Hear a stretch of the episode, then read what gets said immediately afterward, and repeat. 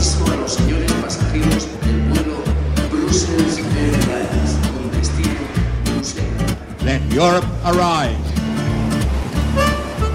We love Europe. I love Europe anyway.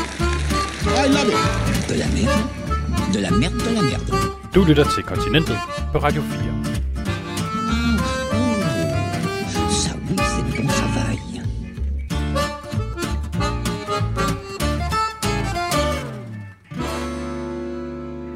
Velkommen til Kontinentet på Radio 4, hvor vi bruger nytårsaftensdag til at kigge tilbage på et begivenhedsrigt år 2021 i Europa. En slags State of the European Union. Året begyndte med en vaklende udrulning af coronavaccinerne, så trådte britterne endelig ud af EU. Tyskland valgte en ny kansler efter 16 år med Angela Merkel, og ja, så bragede corona tilbage ind på scenen her i slutningen af året med høje smittetal og uroligheder i flere lande på grund af nedlukninger. Det lød for eksempel sådan her i den hollandske havneby Rotterdam i slutningen af november.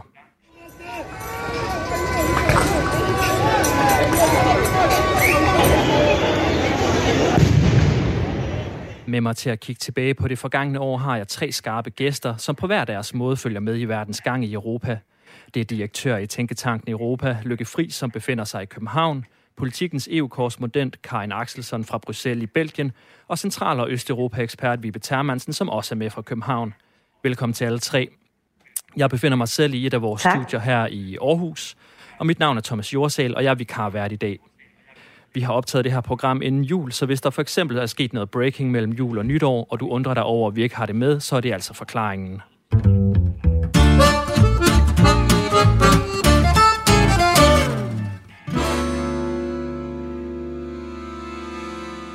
Den meget uvelkomne gæst fra 2020, nemlig coronapandemien, fortsatte sin tilstedeværelse i 2021. Corona fyldte således enormt meget ved årets begyndelse, hvor indbyggerne i mange europæiske lande levede under strenge nedlukninger. Og Karen Axelsen, jeg kunne godt tænke mig at spørge dig, du bor jo i Bruxelles. På det her tidspunkt i Belgien sidste år var der en ret hård nedlukning. Jeg kan huske, at jeg hørte, at belgierne godt måtte samles til julemiddag, hvis altså det foregik udenfor. Hvordan ser det ud i Belgien lige nu i forhold til nedlukningen, Karen? Ah, stemningen er noget mere afslappet i år. Der blev blandt andet overhovedet ikke snak om, at man kan få bøder, hvis man sætter sig på, bænk, på en bænk og, og andre lidt hysteriske tiltag, som, som man så sidste år. Øhm, man kan sige på den måde, at i modsætning til, til Danmark, så har corona aldrig rigtig været forsvundet hernede. Man har lært at leve med det. Altså for eksempel har mine børn jo gået med masker i, i skolen hele dagen, lige siden de, de startede i skole hernede. Øhm, og, øh, og man tester jo ikke lige så meget så, som i Danmark, så, øh, så man, man, man har ligesom lært at leve med, at der er en risiko for, at man kan blive smittet, og selvfølgelig er der restriktioner, men øh, så klarer man det alligevel, og der bliver alligevel holdt jul, og man går alligevel også ud på caféer og på restauranter og spiser og lever det liv, man plejer i Belgien. Okay, så man har lært at leve med, med de her, den her form for nedlukning og pandemien. Altså, det er jo knap, øh, knap et år siden, at vaccinerne blev godkendt, og vi kom i gang med at vaccinere med corona rundt om i Europa, og ja, i hele verden for den sags skyld. Og Karin, jeg kunne godt tænke mig at spørge dig, altså mange følte, at man i Europa eller i EU var for langsom til at komme i gang med at vaccinere, da vaccinerne var på plads. I hvert fald sammenlignet med Storbritannien, der begyndte at vaccinere inden jul. Hvad skete der egentlig dengang? Der skete det, at, at EU er jo en stor, og lidt tung og lidt langsom maskine, men også en meget grundig maskine. Og øh, man ville simpelthen have nogle garantier fra vaccineudbyderne for, at hvis det var, der var noget galt, jamen, så var det altså vaccinebyderne, der stod med ansvaret, og ikke landene selv. Det var blandt andet en af tingene. Og så var der jo også bare det, at man skulle blive enige i 27 lande om, hvordan man rullede det her vaccinesystem ud. Øh, blandt andet så skulle man også have overbevist tyskerne om, at de ikke bare skulle gå alene, men at, at de skulle gå med øh, i en vaccineproduktion, hvad vi jo nu kan takke dem for, set fra dansk side. Så det, det er bare et langsomt apparat. Til gengæld må man sige, at da det først kom op i omdrejninger, så har det rullet stærkt. Uh, Lykke, jeg kunne godt tænke mig at samle det her op, som, uh, som Karin siger, det her med at Tyskland. Uh, der var i hvert fald nogen i Tyskland, der havde lidt travlt med at komme i gang. Uh, og det var måske også et af de lande, hvor kritikken i medierne var allerstørst. Hvorfor tror du, det var tilfældet? Jamen det var jo, som Karen jo antyder, fordi Tyskland havde et alternativ. Det var jo sådan, at uh, BioNTech Pfizer-vaccinen jo blev udviklet i Tyskland, i Mainz, og det betød jo så også, at der var også nogle tyske politikere, der mente, at uh, det skulle være om ikke tysk vaccine til tyskerne, så i hvert fald så tysk vaccine til en mindre øh, vaccinealliance, som den daværende sundhedsminister Jens Spahn faktisk nåede at etablere, og det var så med Holland, med Frankrig og Italien, altså hvad tyskerne opfattede som er de nærmeste venner. Så det var første Angela Merkel personligt gik ind og sagde, at det går simpelthen ikke, at man valgte så for tysk side at sige, at det skulle være et fælles indkøb for, for samtlige 27 lande. Og surprise, surprise, så tog det jo så noget, noget længere tid, øh, og det har jo også skabt noget frustration i Tyskland. og har jo også en af årsagerne til, at at den tyske regering kom under gevaldig pres. Så er det jo så gået øh, noget anderledes sidenhen. Nu har man jo så fået vacciner nok. Øh, stort set problemet er jo nu ikke så meget vaccinerne, men der er et nyt problem i Tyskland, har jeg lige konstateret. Men udfordringen er jo, at der er mange, der rent faktisk ikke vil lade sig vaccinere, ikke mindst i Central- og Østeuropa. Vibe Termansen, det leder mig over til dig. I Østeuropa er problemet i forhold til coronakrisen jo, at rigtig mange ikke vil lade sig vaccinere. Hvad er forklaringen på det? Mm, den overordnede forklaring, det er jo en manglende tillid til staten. Og det er der alle mulige øh, historiske grunde til, men der er også en manglende tillid til sundhedssystemet, som jo er en del af staten. Og det er overhovedet ikke historisk. Det er rent aktuelt, at, at der ikke rigtig er grund til at stole ret meget på dem. Lige før jul, der kom der nogle nye tal fra OECD, som viser, at øhm, i Polen, så den forventede levetal, øh, le, altså levetid er, er faldet med 1,4 år under coronapandemien. Det er dobbelt af gennemsnittet i EU. Øh, Polen og Ungarn er nogle af de lande i EU, der bruger allerfærrest penge på sundhedssystemet. Der mangler læger, der mangler alt muligt. Så der er sådan en mistillid til, til sundhedssystemet og til staten øh, i, i, i et større perspektiv simpelthen. Hvad gør regeringerne så i for eksempel Ungarn og Polen for at få folk til at vaccinere sig? Jamen, det, det er svært, fordi der er vaccineskeptikere langt ind i regeringspartierne. Der er vaccineskeptikere i parlamentet, og der er faktisk også vaccineskeptikere i regeringen. Så i Polen, der har, der har premierministeren, han har for eksempel lavet sig vaccinere selv for rullende kameraer, ikke? og opfordret til, at man skal lade sig vaccinere. Øh, og sundhedsministeren har opfordret til, at lærerne, altså skolelærerne, skal lade sig vaccinere, fordi så kan man holde skolerne åbne lidt længere Øhm, men samtidig så har undervisningsministeren været ude og sige, at det synes han absolut ikke, at, at lærerne øh, skulle lade sig vaccinere. Og faktisk for at vende tilbage til sundhedssystemet, så er der også en del læger, altså medicinske læger, som ikke er vaccineret. Øh, og mange, mange flere sygeplejersker, som ikke lader sig vaccinere. Så øh, altså grunden til, altså det, det er simpelthen politisk, øh, hvis, hvis man øh, prøvede at tvinge lidt mere igennem, eller presse lidt mere for, at folk skulle øh, lade, øh, lade sig vaccinere, så vil det koste på, på stemmerne, og den polske regering er allerede faldet lidt i, i meningsmålingerne, så det tror jeg ikke, de er parat til. Øhm, for det er jo ellers et tema, som er blevet taget op her på det seneste, hvor, hvor vi oplever høj smitte. Altså hvis vi spoler frem til nu, så bulrer den ny variant omikron frem, og vi ser rekordhøje smittetal hver dag. Og det har jo givet regeringer rundt om i Europa noget at, at tænke over. Og det helt store emne er, om man i en række forskellige europæiske lande vil tvinge vaccinerne igennem. EU-kommissionsformand Ursula von der Leyen har også snakket om at gøre det fra EU's side. Og det er jo ret kontroversielt. Er det noget, der vil komme igennem, tror du, Karin Axelsson? Nej, det tror jeg bestemt ikke. Alene af den grund, at det har Ursula von der Leyen slet ikke nogen kompetence til at tvinge noget som helst igennem. Det, hun kan tvinge igennem, det er en debat om det. Og øh, det, det var der ligesom antræk til, at man tog på europæisk plan. Men øh, så er den ligesom gået i sig selv igen, og man har mere fokus på, altså, hvordan øh, får vi sikret, at folk overhovedet bliver vaccineret, og ikke mindst, hvordan får vi sikret, at folk får det her boosterstik i, i tide, sådan, så vi ikke, altså, så vi kan genoprette tilliden til vaccinepasset, og, øh, og, og, og på den måde ikke sende en kæppe i hjulet på, på den fri bevægelighed, som man jo allerede har set antræk til, at for eksempel Tyskland, øh, Italien har, har indført, at man skal have ekstra test øh, ud over vaccinepas. Det, det indførte de sådan hen over natten, uden overhovedet at spørge øh, EU-kommissionen. Normalt skal man varsle sådan 48 timer i forvejen, når man gør den slags som land. Det valgte de så ikke at gøre. Og det er den slags ting, man, man har mere fokus på nu, at prøve at undgå, at, at man får 27 forskellige holdninger til, hvordan man nu skal øh, håndtere det her, og, og forskellige varianter af nedlukninger eller, eller restriktioner, som gør, at det samlet set bliver rigtig besværligt at være EU-borger og bevæge sig over grænserne. Lykke Friis, øh, Olaf Scholz, den nye kansler i, i Tyskland, han har også øh, nævnt det her altså med en vaccinepligt. Øh, risikerer han ikke, at sådan et tiltag det springer tilbage i hovedet på ham som en boomerang? For der er jo en del skeptikere i Tyskland også.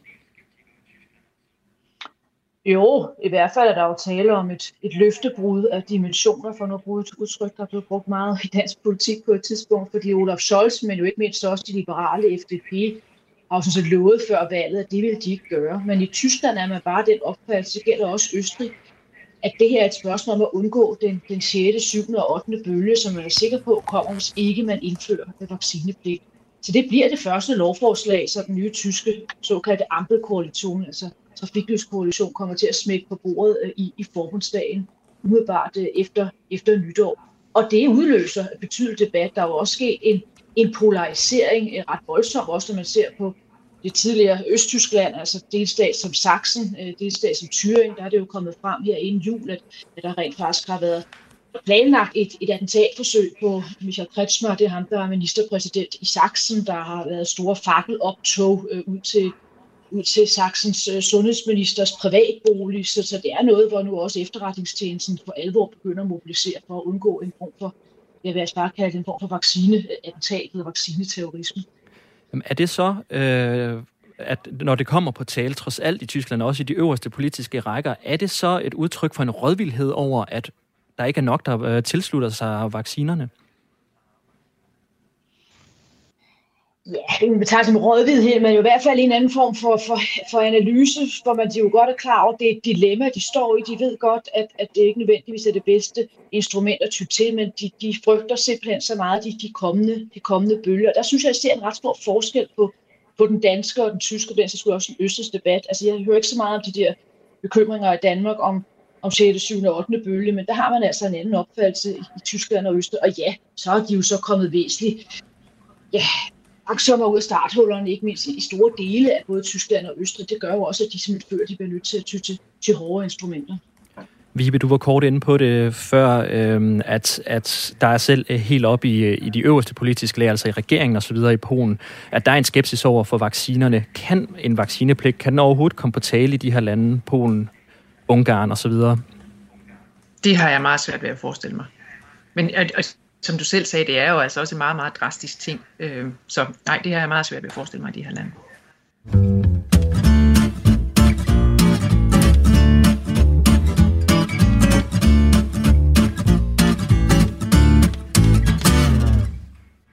Senere i januar 2021, midt i bulrende coronakrise, trådte Storbritannien endeligt ud af EU. Og det var en optimistisk premierminister Boris Johnson, der holdt sin nytårstale. This is an amazing moment for this country. We have our freedom in our hands, and it is up to us to make the most of it. Karin Axelsson, EU-korrespondent for politikken. Var der en stemning i Bruxelles af, at puha om sider af de her besværlige britter ude? Ah, det tror jeg ikke, man kan øh, fornægte, at, at der var, især efter det her lange og temmelig opslidende forhandlingsforløb, hvor at øh, de fleste europæere synes, at britterne har, havde opført sig øh, temmelig øh, ulydeligt, for at sige det mildt. Øh, så, så var der klart nogen, der rundt omkring øh, trak et dybt lettelsens suk og, øh, og tænkte, at nu bliver alting nemmere. Brexit er jo så ikke overstået, så man har stadigvæk en masse problemer, og der er også lange stræk, hvor man savner britterne på, og, og det skal man jo ikke være blind for, at man også mangler dem. Har du nogle sådan konkrete eksempler på, øh, hvor du, hvordan du oplevede, at, at der var en lettelse, da, da, de, da de omsider trådte ud af EU? Jamen, man kan bare tage den helt overordnede EU-dagsorden. Altså, Brexit fylder ingenting Altså, det bliver aldrig nævnt på dagsordenen, medmindre der lige er den der konkrete strid omkring den nordiske grænse. Man er nødt til at forholde sig til.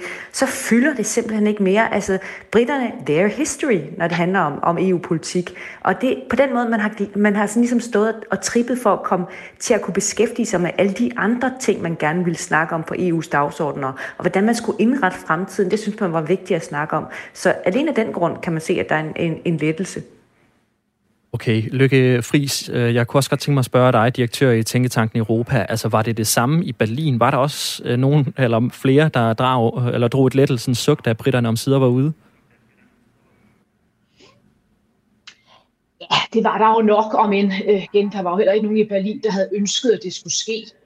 Men, men det, der jo var det interessante, var jo, at, at hvor britterne jo i overvis havde et andet form for håb, og det havde jo også sågar Boris Johnson helt til sidst om, at tyskerne ville komme britterne til hjælp, og så alligevel på grund af den tyske bilindustri og andre ting ville, ville så ja, sørge for, at, at britterne fik en håndtrækning. Så skete det jo ikke. Der, der var det meget hurtigt, at tyskerne øh, fokuseret på at holde sammen på resten af EU-biksen, og min erfaring vil nu have været i, i Berlin her et godt stykke tid de, de sidste, inden, inden jul faktisk for valget og så fremad, at man taler næsten ikke længere om Storbritannien. Altså det, det, det er fuldstændig væk fra radar, og det er jo i sig selv interessant, når man ser på, at man på mange områder rent faktisk har brug for Storbritannien, når man ser på andet på forsvars- og sikkerhedspolitikken at det er jo alligevel utroligt, for det er jo ikke så længe siden, at det skete rent faktisk. Det var i slutningen af januar, at de, om, de trådte sådan endeligt ud. Øh, men lad mig så spørge dig, Vibe Termansen. Øh, du har fingeren på pulsen i forhold til Østeuropa, og særligt Ungarn og Polen. Hvordan forholder man sig egentlig til Brexit i de lande? Man har jo været meget træt af den store udvandring, for eksempel af arbejdskraft til Storbritannien. Så var det en positiv nyhed i de her to lande? Altså man skal lige huske på, at der er jo ikke nogen polakker, der har været tvunget til at rejse til Storbritannien og, og arbejde. Det har de gjort, fordi de gerne ville, og der, der er kommet rigtig mange af dem, og de har også sendt rigtig mange penge hjem. Øhm, så, så på den måde har det også bidraget positivt til økonomien i, i, i Polen. Øhm, men det her med, med Brexit, det er mest blevet brugt indrigspolitisk, synes jeg, i de her lande. Øhm, i, I Polen der er der et lille bitte parti, som er med i regeringen, som er meget EU-fjendtligt. Og de har brugt det hele tiden, hver gang EU er kommet med nogle krav over for Polen, så har de, så har de brugt det her med, med Brexit og Storbritannien som, som et, et lysende mål, altså et, en god ting, som også kunne ske for Polen. Og nu er der faktisk også nogen fra selve regeringspartiet Lov og Retfærdighed, der begyndte at sige, øh, når EU har raslet med nogle sabler, så har de sagt, at, at det kunne godt være, at der var brug for en, en drastisk løsning for Polen, ligesom med, ligesom med Storbritannien, altså, altså simpelthen taler om en polexit på den måde. Øh, og så her allersidst, allersidst på året, så så vi faktisk sådan lidt måske begyndelsen på et tættere samarbejde mellem Storbritannien og Polen, fordi øh, Storbritannien har sendt nogle tropper til at hjælpe Polen derude ved grænsen mod Belarus, øh, hvor alle migranterne øh, har siddet. Ja, okay. Karin Axelsson, det er jo ikke fordi, at der nu bare er ro på, efter britterne forlod EU. Altså, for det første har Boris Johnson øh, sit helt eget show kørende for tiden, og han har fået en del hård kritik på det seneste, og Øh, det kan man høre mere om i vores afsnit af kontinentet fra den 24. december, som kan hentes som podcast. Men i relation til andre EU-lande, så er Frankrig og Storbritannien nu for eksempel rygende uenige om fiskeriet i farvandet mellem de to lande. Skal vi til at vende os til en tilstand af konflikt med, med britterne? Eller hvordan ser du det? Ja, i hvert fald for, for Frankrigs vedkommende, så længe Boris Johnson sidder ved magten, det var, det var den franske præsident Macron meget klar omkring, da han præsenterede det kommende franske øh, EU-formandskab øh, tidligere på måneden, hvor han decideret sagde, at vi har ikke noget problem med, med britterne, og vi skal nok få et godt samarbejde med britterne, men så, så snart der kommer en ny øh, premierminister til. Han kan ikke ikke døje Boris Johnson. Øhm, men altså, og der, de har jo naturisk haft et, et dårligt forhold, britterne. Der har haft mange spændinger, øh, ikke bare over fiskeriet, men også øh, senest med, i forhold til, til, til migranter, der vil, der vil sejle over øh, øh, kanalen, hvor at, øh, de har jo en disput som, hvis ansvar er det at sørge for, at, at de ikke søger op til Calais og andre steder for at komme over kanalen til Storbritannien. Øh, og på den måde kommer man til at se øh, en, en række konflikter, hvor at, øh, at, at man har modstridende interesser, men som Løkke også var inde på før, der er altså også bare mange områder, hvor man ved, man har brug for britterne, altså netop i, for eksempel i, i forsvars- og sikkerhedspolitikken. Altså, så jeg fornemmer, at der ikke er nogen, der sådan står og, og flager og jubler over, at, at britterne nu er ude, men der måske er en form for mild lettelse over, at hele det her, hele balladen i forhold til, hvordan britterne skal forlade øh, EU, øh, at, at den er der. Men jeg kunne godt tænke mig at spørge dig, Lykke Friis, er der så nogen i EU, som savner britterne lige frem? Ja, det tror jeg da egentlig nok, når man ser gå ned på politikområderne. At der kører i øjeblikket en, en meget stor diskussion i EU om, omkring industripolitik, altså hvor meget skal man sørge for at trække øh, produktion og, og virksomheder hjem øh, til, til Europa. Det er da ikke noget, som, som samtlige, også mere sådan handelsorienterede, frihandelsorienterede lande, som landet øh, Danmark, men også Skandinavien, måske også et Holland, øh, synes er, er den, den bedste idé, ikke mindst vi sker på samtlige politikområder. Så det er da bare et eksempel. Jeg tror, selvom der nu er lettelsens suk, øh, som du er inde på, så er der altså også en erkendelse af, at øh, det er jo Brexiternity, man har gang i, fordi det er jo kun en meget lille del af Brexit-aftalen, man er blevet enige om. Altså man er jo slet ikke enige om det med tjenesteydelser, for eksempel, bare for at nævne en meget, meget stor ting. Så alt det, det venter jo, samtidig med, at man jo så ikke rigtig helt ved, om, om britterne øh, så på en eller anden tidspunkt alligevel så siger, at den aftale, de har med hensyn til Nordjylland, at den ønsker de så, at den, at den skal laves om. Det er jo også en baserende diskussion. Så, så selvom der er lettelsesuk, så ved man jo godt, at 2022, der kommer man også til at diskutere Brexiternity. Karin Axelsen, jeg kunne godt tænke mig at stille dig nogenlunde det samme spørgsmål, men måske lidt mere med perspektiv på Danmark. Hvordan ser vi øh, på, på Brexit-situationen øh, her, her til lands? Det synes jeg faktisk var et super, super godt ord, Brexiternity, selvom jeg, det også gør mig en lille smule træt som øh, EU-korrespondent i Bruxelles, fordi man kan godt blive lidt træt af at trampe rundt i, i Brexit, også fra, som journalist. Men uh, set fra Danmarks synspunkt, så, så kommer vi i den grad til at savne britterne, som de har jo været en, en, en, en nær allieret med Danmark, og i rigtig mange spørgsmål, altså nu, taler, nu, nu hører vi jo til den her gruppe, man kalder de, øh, den, den nære i firebande, The Frugal Four, øh, hvor man kan sætte spørgsmålstegn ved, hvor, hvor frugal de andre er, fordi Holland og Tyskland har ændret signaler, og Østrig bliver ved med at skifte kansler ud. Øhm, men der har man jo på mange stræk, som Danmark, gemt sig lidt bag Storbritannien, ladt Storbritannien tage det store slagsmål om, hvor mange penge skulle man øh, øse i EU-budgettet, i EU-kassen, den samlede kasse, og og hvor, hvor, hvor, hvor øssel skulle man være set med, med stats- og regeringschefernes øjne og med EU-kassens øjne. Øh, og den slags, den slag, den, det slagsmål er vi jo nødt til at, at tage selv nu. Der kan vi ikke gemme os bag britterne længere. Det er bare et eksempel, og så også netop hele spørgsmålet om frihandel, som, som Lykke også er inde på. Øh, Karen, jeg ved godt, du har din daglige gang i Bruxelles og ikke i London, men du har jo på den anden side også øh, dækket Brexit i, i, i en årrække. Fornemmer du, at der begynder at brede sig et, en form for mismod blandt britterne i forhold til Brexit, eller er de stadig sådan i det store hele tilfredse med, at de nu er ude af, af EU? Jeg synes, når man ser det udefra, er det sådan utrolig svært at skille det ene fra det andet, fordi det, det virker som ens et stort mismod over alting i Storbritannien i øjeblikket, over coronasituationen, over øh, Boris Johnsons regeringsførelse og, og over Brexit, og hvad der er hvad det er svært at skille ad. Jeg tror, fronterne står lige så stejlt over for hinanden, som de hele tiden har gjort. Dem, der, der tror på det, øh, på Brexit, jamen de er jo øh, de er fuldstændig ligeglade med, hvad der end sker i virkeligheden. Jamen så mener de, at det har en pris på den korte bane, men på den lange bane vil det være den store lyksalighed for, for britterne. Dem, der omvendt øh, synes, det, det var det værste, der kunne ske, jamen de vil jo stadigvæk øh, synes, det er det værste, der kan ske, og synes, de er blevet bekræftet i, at, at, at det ikke er gået særlig godt for, for britterne og for Storbritannien siden. Så jeg tror, vandet er lige så delt, som, som det hele tiden har været. Lykke Friis, lad mig så spørge dig. Nu der er så gået øh, snart et år siden britterne officielt stoppede sit medlemskab af EU. Hvilke konsekvenser begynder der at tegne sig for resten af EU på grund af den her Brexit? Kan man sige noget om det allerede nu? Ja, man kan jo i hvert fald allerede se, at det er Karen jo så også inde på, at, at øh, sådan noget som at oprette EU's genopretningsfond, altså den måde, man jo optog gæld i fællesskab på efter, øh, efter coronakrisens første fase, skal vi, skal vi lære at kalde det nu, øh, jamen det vi tror ikke var sket, hvis britterne havde været videre omkring og så havde de, så havde de øh, jo på en eller anden måde prøvet på at nedlægge veto, så det er et meget klart eksempel på, man kan se, at der er en forskel.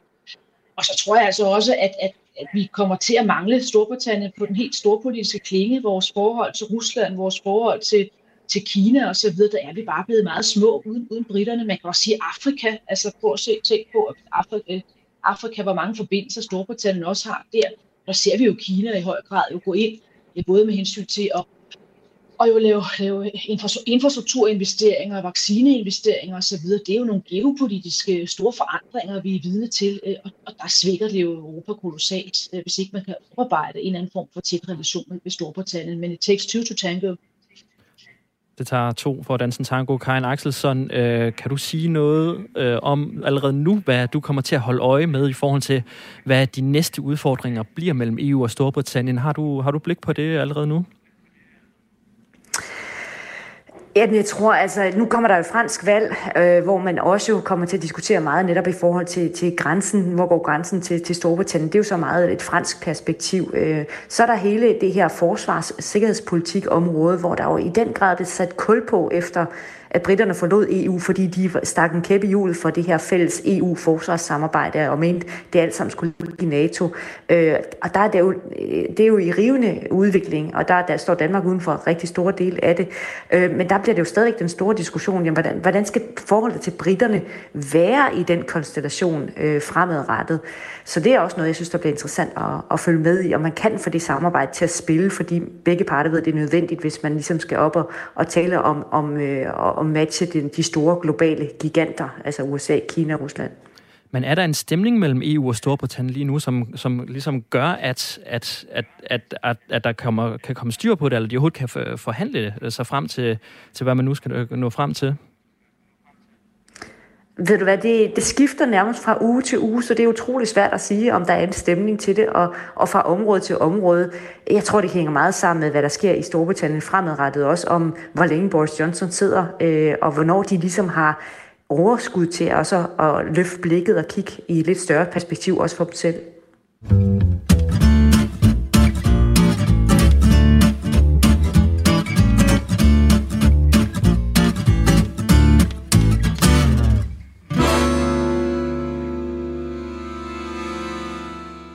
Vi er i gang med nytårsudgaven af Kontinentet på Radio 4. I dag kigger vi tilbage på året, der gik, og tager temperaturen på det europæiske kontinent sammen med, politi- sammen med politikens EU-korrespondent Karin Axelsson, direktør i Tænketanken Europa, Lykke Fris, som mange nok kender som Tyskland-ekspert, og så Vibe Termansen, journalist med stor indsigt i Ungarn og Polen. Mit navn er Thomas Jorsal, og jeg vil karriere mit navn er Thomas Jorsal, og jeg vil karriere i dag for vores normale vært, Mads Anneberg. Nu skal det handle om Tyskland, for tyskerne skulle jo have ny kansler, da Angela Merkel efter 16 år valgte ikke at stille op til forbundsdagsvalget i september.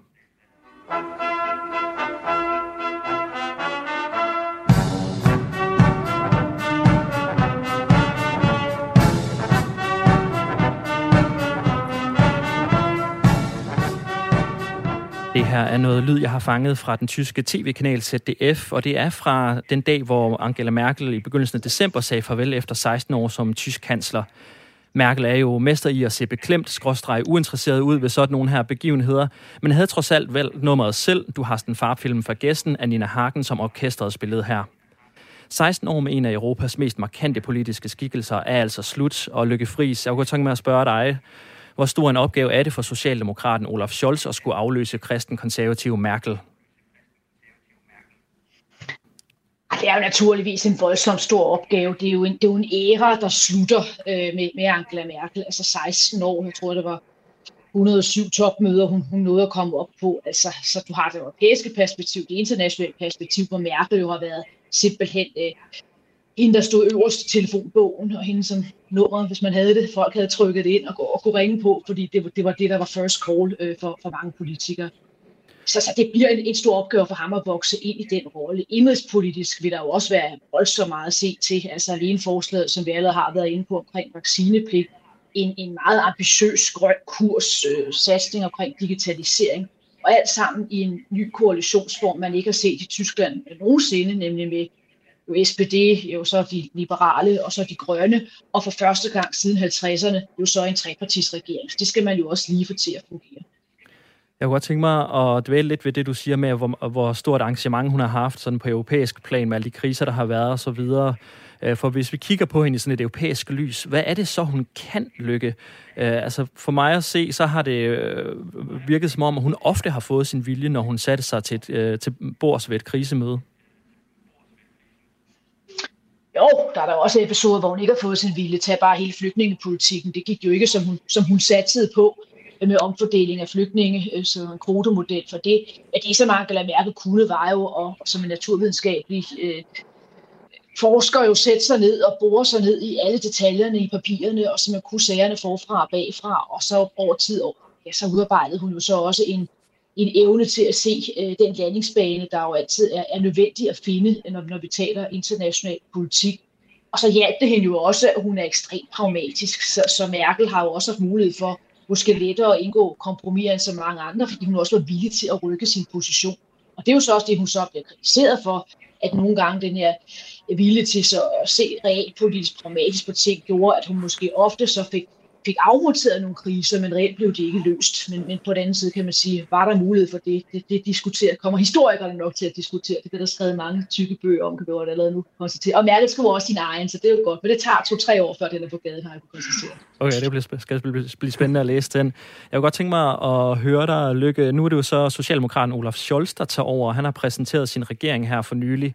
Øh, hvad er det, de ønsker at, at gøre med deres øh, nye øh, regeringsprogram?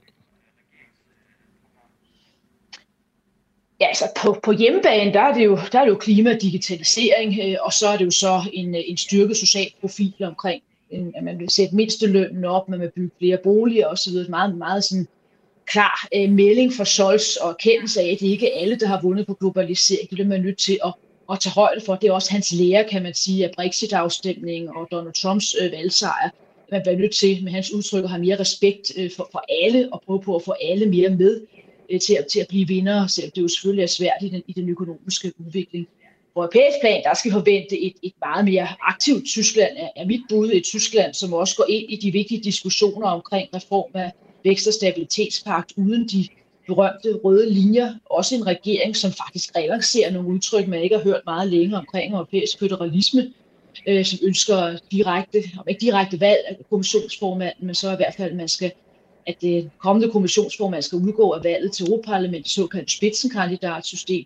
Så der kommer, kommer Danmark og de, de, de såkaldte sparsomlige fire, som, som Karin også nævnte før, de kommer altså under pres, fordi der rykker Tyskland væk. Tyskland er ikke æresformand for den, øh, for den forening øh, længere.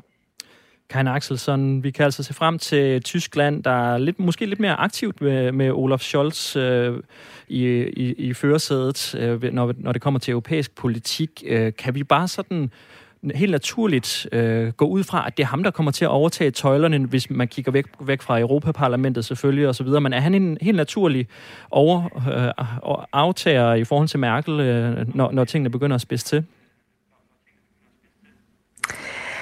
Det tror jeg ikke, øh, den franske præsident Macron for eksempel vil være enig i. Jeg tror, han ser sig selv som, som værende den naturlige aftager den rolle lige nu, eftersom han jo nærmest nu er en af de, de længst siddende europæiske ledere. Øhm, han skal jo så godt nok lige selv på valg til foråret, så det kræver jo, at han dels stiller op til præsidentvalg, det har han jo ikke sagt noget om endnu, men at det gør han jo nok, og at han så også bliver genvalgt som, som præsident i Frankrig.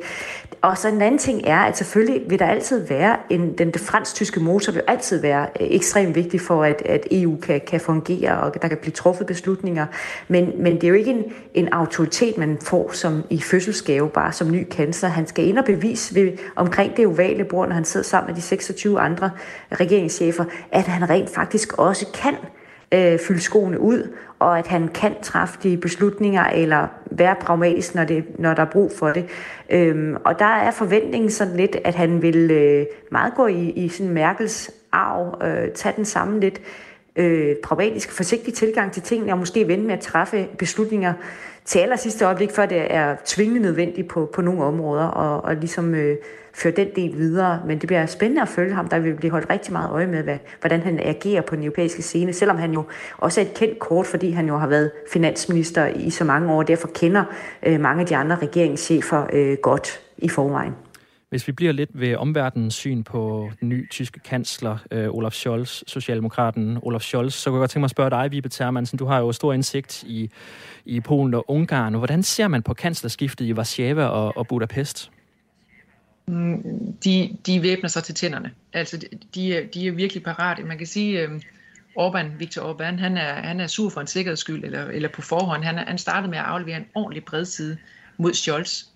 Og da Scholz var i Warszawa på besøg lige før jul, så det han, øh, det han fik sværet i hovedet, det var, det var Nord Stream 2, altså det her russisk-tyske gasprojekt, som Polen har kæmpet imod med næb og klør hele tiden. Det fik han at vide, det gør de stadig. Det skulle de tage at pille fra hinanden.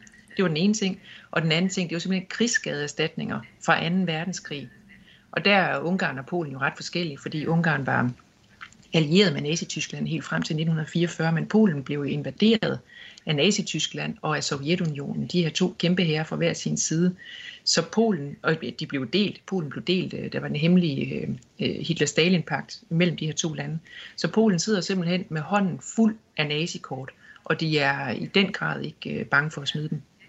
Lykke Friis, hvordan modtog Olaf Scholz det her, den her mod, eller, ja, hvordan oplevede han den her modtagelse i, i Østeuropa?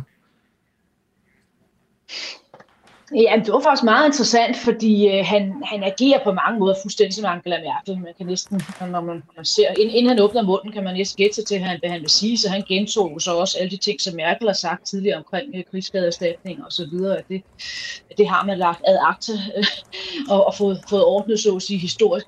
Men, men så sagde han noget andet, øh, som virkelig også øh, bagte for også lidt i Tyskland, men, men nok mere i Polen, hvor han så sagde, ja for øvrigt, så betaler vi jo, at vi jo fortsat villige til at betale meget til EU's budget, underforstået, at, at det var ligesom også fremadrettet klaret ved, at, at Tyskland er så stor en, en netto bidragsyder til, til EU's budget. Det var ikke noget, der sådan, jeg tror, noget, det var, det en helt ny måde at argumentere på, og det, det, det gør i hvert fald, at at selvom han på mange måder vil agere som Merkel, så vil der jo selvfølgelig være forskelle.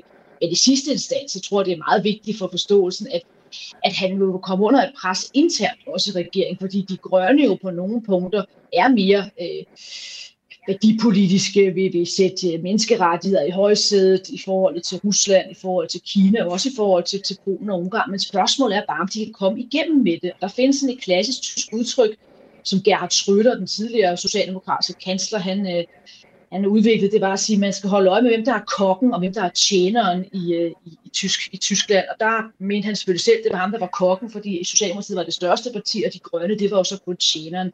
Det udtrykker faktisk allerede blevet relanceret her, efter regeringen er trådt til øh, fra fordi de socialdemokraterne var ude at sige, at en gruppeformand på Socialdemokratiet, dybest set, så ville det være den samme politik, der ville blive ført, fordi det var Scholz, der skulle føre og det var ikke de grønne af Sarah Baerbock. Det var de grønne godt og ikke meget glade for at høre.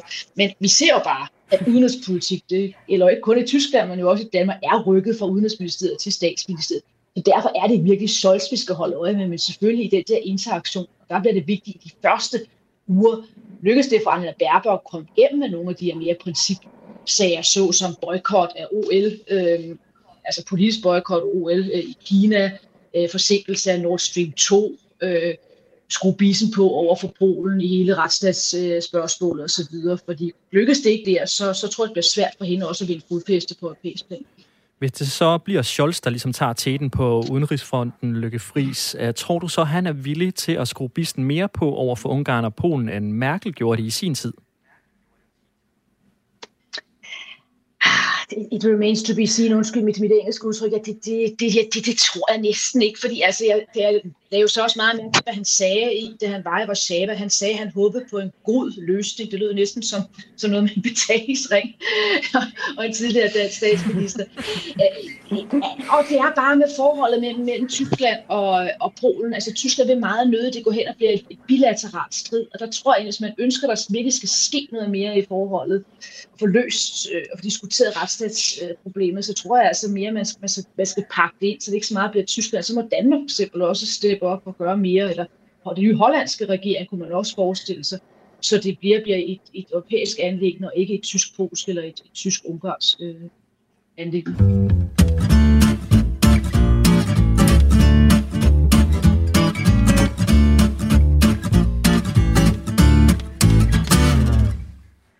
Det her er nytårsudgaven af Kontinentet på Radio 4, hvor vi tager en runde på 2021 store emner i Europa.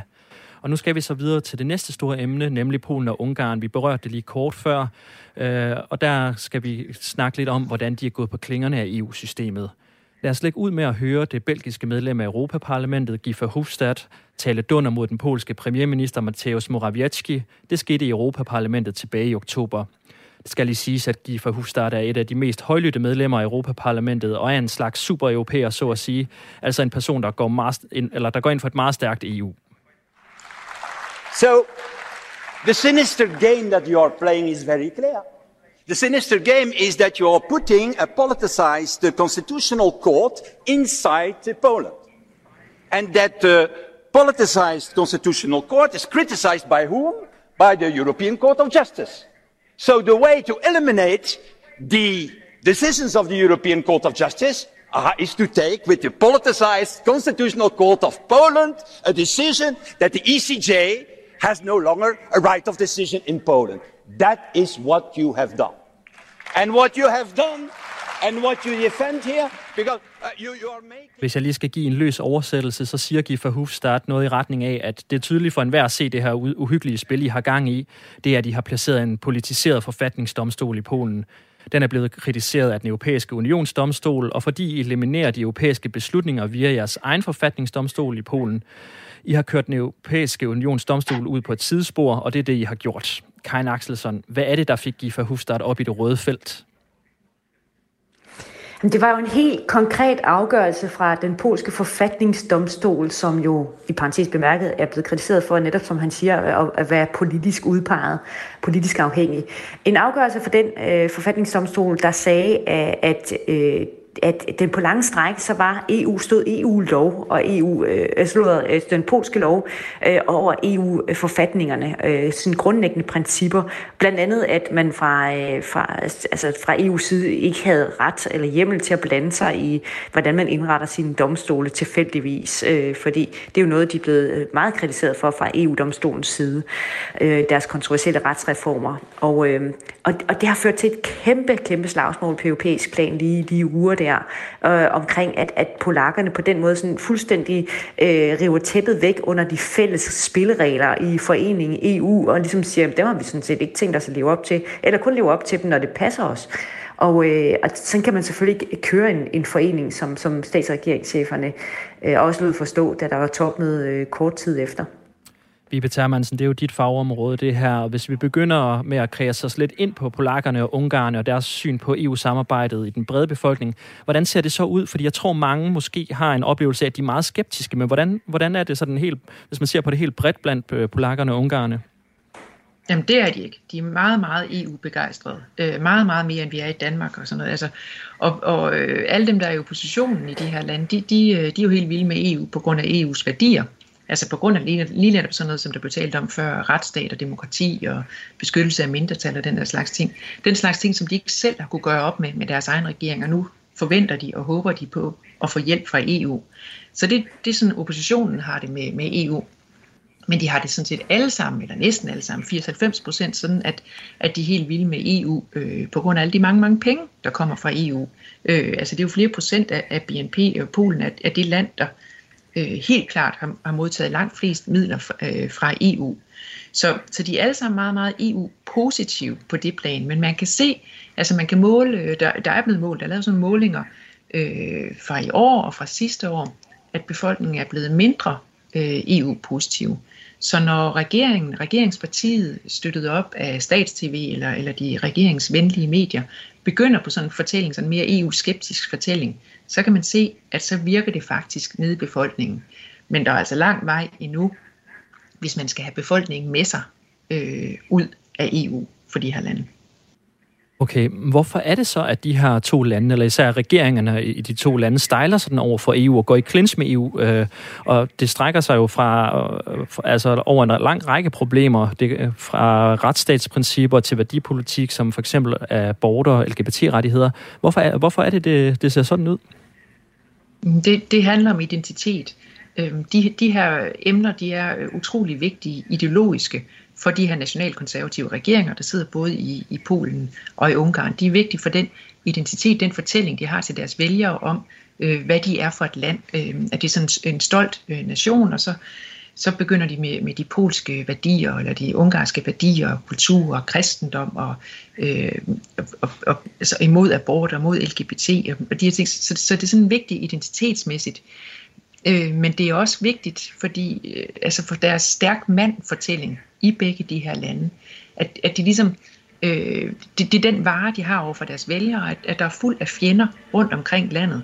Øh, og en af de fjender, det er altså EU. Og det kun er denne her regering, øh, altså Viktor Orbán i, i hovedsagen i Ungarn og, og Kaczynski i hovedsagen i, i Polen, der ligesom kan, kan, kan stå imod det her. Så for den stærk mand-fortælling er det også vigtigt. Hvis, hvis man så bøjer sig fra EU, så falder hele det jo. Hele den fortælling falder fra hinanden. Den sidste ting, man skal tænke på i den øh, forbindelse, det er, det er, at det er meget, meget vigtigt for de her lande med, med deres øh, suverænitet. Altså det handler om, hvor meget suverænitet man er villig til at afgive til øh, EU, som jo bliver set som et imperium. Øh, for nylig så er, så er Tyskland blevet kaldt, Tyskland og EU, sådan det er blevet kaldt for øh, et fjerde reich. Altså man ser det direkte ligesom, ligesom nazisterne. Og, og øh, både i Polen og i Ungarn, der har man været udsat for rigtig mange imperier gennem de sidste øh, flere hundrede år. Så det er også en fortælling, der har resonans øh, blandt vælgerne. Karin Axelsson, hvor langt længere kan Ungarn og Polen gå i deres færd væk fra de grundlæggende EU-regler og principper? Er der en rød streg fra EU's side? Det er der. Der er mange røde streger, og de har også overtrådt det mange gange. Øh, det besværlige er bare, hvad man gør ved det, øh, fordi man ikke har øh, fra start lavet nogle instrumenter i EU's regelsæt, der ligesom kan håndtere, at nogle lande går baglæns, så at sige, på den demokratiske skala. Øh, det man så har forsøgt, det er først at håndtere det politisk, det vil sige lægge, lægge sagen an i den der artikel 7 sager, som det hedder, som en grundlæggende traktatsag. Men da det ligesom er sandet til, fordi det kræver enstemmighed, og fordi Polen og Ungarn indbyrdes øh, støtter hinanden, og dermed blokerer for, at den sag kan komme videre, så har man så gået over til at prøve at angribe det med EU-domstolen. Altså selvom kommissionen har sprøjtet øh, sagsanlæg til EU-domstolen, hivet landene fra EU-domstolen øh, på diverse reformer, de har lavet, og tvivlsomme lovgivninger. Øh, og så har de fået et væld af, af, af EU-domme over sig, og EU-bøder hængende over hovedet. Det er jo så det, som Polen og Ungarn nu forsøger på hver at angribe og sige, jamen i øvrigt så mener vi slet ikke, at EU-domstolen spiller en rolle, og vi behøver faktisk ikke rette os efter den. Vi behøver måske ligefrem ikke betale de her bøder. Så nu prøver man det sidste fra EU's side, det er simpelthen at ramme den på pengepungen. Og øh, det vi kommer til at se nu øh, spille sig ud her i, i allerede i starten af det kommende år, det er et nyt retsstatsværktøj, man vil prøve at lancere, hvor man øh, det stedet kan gå efter øh, områder, hvor man siger, at der ikke er en sikkerhed for, at EU-penge vil blive brugt ordentligt, øh, fordi landene ikke har styr på deres retsprincipper, og dermed kan man tilbageholde øh, EU-midler fra landene. Øh, på samme måde som man jo stadigvæk ikke må udbetale de her genopretningsmilliarder øh, til landene, som de retligt kunne have fået øh, øh, for, for, efter corona, fordi de ikke lever op til, til, til nogle grundlæggende retsprincipper. Så nu forsøger man altså, og det er den mm, øh, strategi, vi vil komme til at se rigtig meget nu, det er, at man forsøger at ramme den på, på pengepunkten fremover.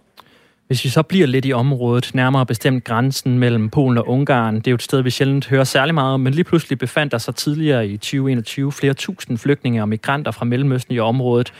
Vi Termansen, hvad var det, der skete der helt præcis? Ja, altså grænsen mellem Polen og, og Belarus. Ja, undskyld, ja. Det, der skete det, at, øh, der skete det, at Lukashenko, øh, diktatoren i, i, i Belarus, havde inviteret en masse migrant, migranter fra øh, Mellemøsten og Asien og Afrika. Han havde givet dem visa, og han havde øh, lokket og, og snydt dem til at komme til Minsk, og så øh, kørt dem ud til grænsen øh, ind mod først Litauen og Letland, men senere øh, hovedsageligt mod Polen.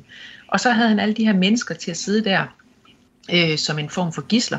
Øhm, og, og han havde lovet dem, at de, det var en hurtig vej ind i EU, men på den anden side, så stod øh, i Polen, så stod der øh, 15-20.000 polske grænsevagter og, og øh, politibetjente og soldater, øh, og ikke ville have dem ind. Øhm, så de her mennesker, de her og øh, familier, børn, gravide, der er forfærdelige historier derude fra, øh, og folk begyndte jo at dø. Øh, lige nu er der minus 15 grader derude, og der er, altså, der er ulve derude og alt muligt. Men, men folk, øh, de her mennesker, der var herude, de var jo fanget mellem på den ene side belarusiske sikkerhedsstyrker på den ene side, som øh, ikke var blege for at teste dem og, og sende dem over, og på den anden side polske øh, grænsevagter, politi og betjente, som vi ikke rigtig ved, hvad lavede, fordi der blev indført en undtagelsestilstand, så der ikke var nogen journalister og ikke nogen nødhjælpsorganisationer, der fik lov at komme derud og rigtig se, hvad der skete. Karin Axelsson, hvad har EU tænkt sig at gøre i forhold til det her problem, eller hvad gjorde de dengang? At de, øh, de bakkede i hvert fald Polen op med alt, hvad de overhovedet kunne, hvilket var en lille smule øh, besynderligt at se, eftersom det var et par uger efter, at de havde stået slået løs på Polen for ikke at overholde retsstatsprincipperne og sige, så må Polen overhovedet overveje, om de er medlem af, af EU. Men lige pludselig stod alle lasterbræst med, med Polen, og så har man jo tilbudt at sende øh, Frontex, altså EU's grænseagentur, ud for at hjælpe dem. Det har polakkerne så ikke ønsket øh, af de grunde, som Vibe også var inde på. Øhm, og så har man jo så også ændret lovgivningen, så man har givet dem mulighed for at tilbageholde øh, de her flygtninge og migranter, der krydser over øh, i længere tid, mens man behandler deres sager, kan du simpelthen frihedsberøve dem i længere tid, inden du måske sender dem til retur igen. Øh, så man forsøger på en eller anden måde at hjælpe dem ved at sige, at vi, vi skal holde enormt godt øje med vores ydre grænse, og vi skal ikke bare stå og vifte med visumansøgninger, så snart folk øh, kommer over vores grænser. Ja, som migrantspørgsmål kom øh, ind på dagsordenen igen igen i, øh, i EU-sammenhæng og Lykke Fri, så jeg kunne tænke mig at spørge dig, har tyskerne rykket sig på migrant- og flygtningespørgsmålet, og hvad kan vi forvente os af Olaf Scholz på den front?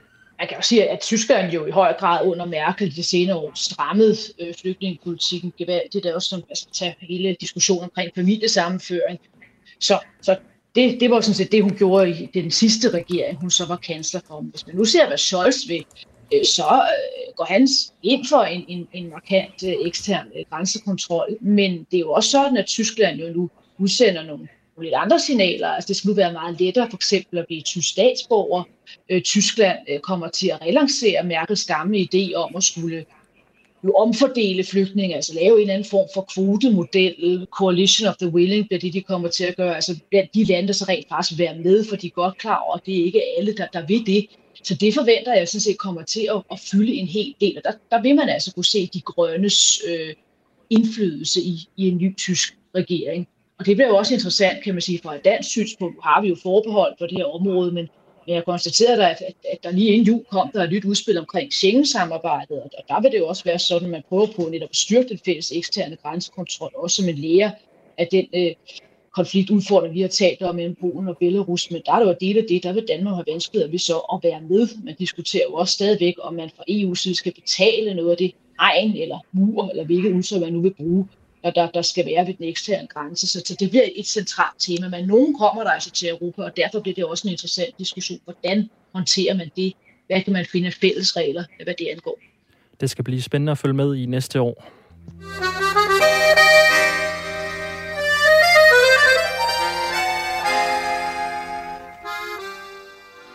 Det var alt, vi nåede på kontinentet på Radio 4 i denne omgang. Tak til Lykke Friis, direktør i Tænketanken Europa, Vibe Termansen, Central- og Østeuropa-ekspert, og Kein Axelsson, politikens EU-korrespondent. Mit navn er Thomas Jorsal, og hvis ikke du nåede at tune ind fra programmets begyndelse, kan du finde det som podcast, der hvor du plejer at finde dem, og så på vores hjemmeside radio4.dk. Vi slutter programmet af med Du har den farbfilm for gæsten, som et militærorkester spillede som afsked til Angela Merkel for nogle uger siden. Godt nytår.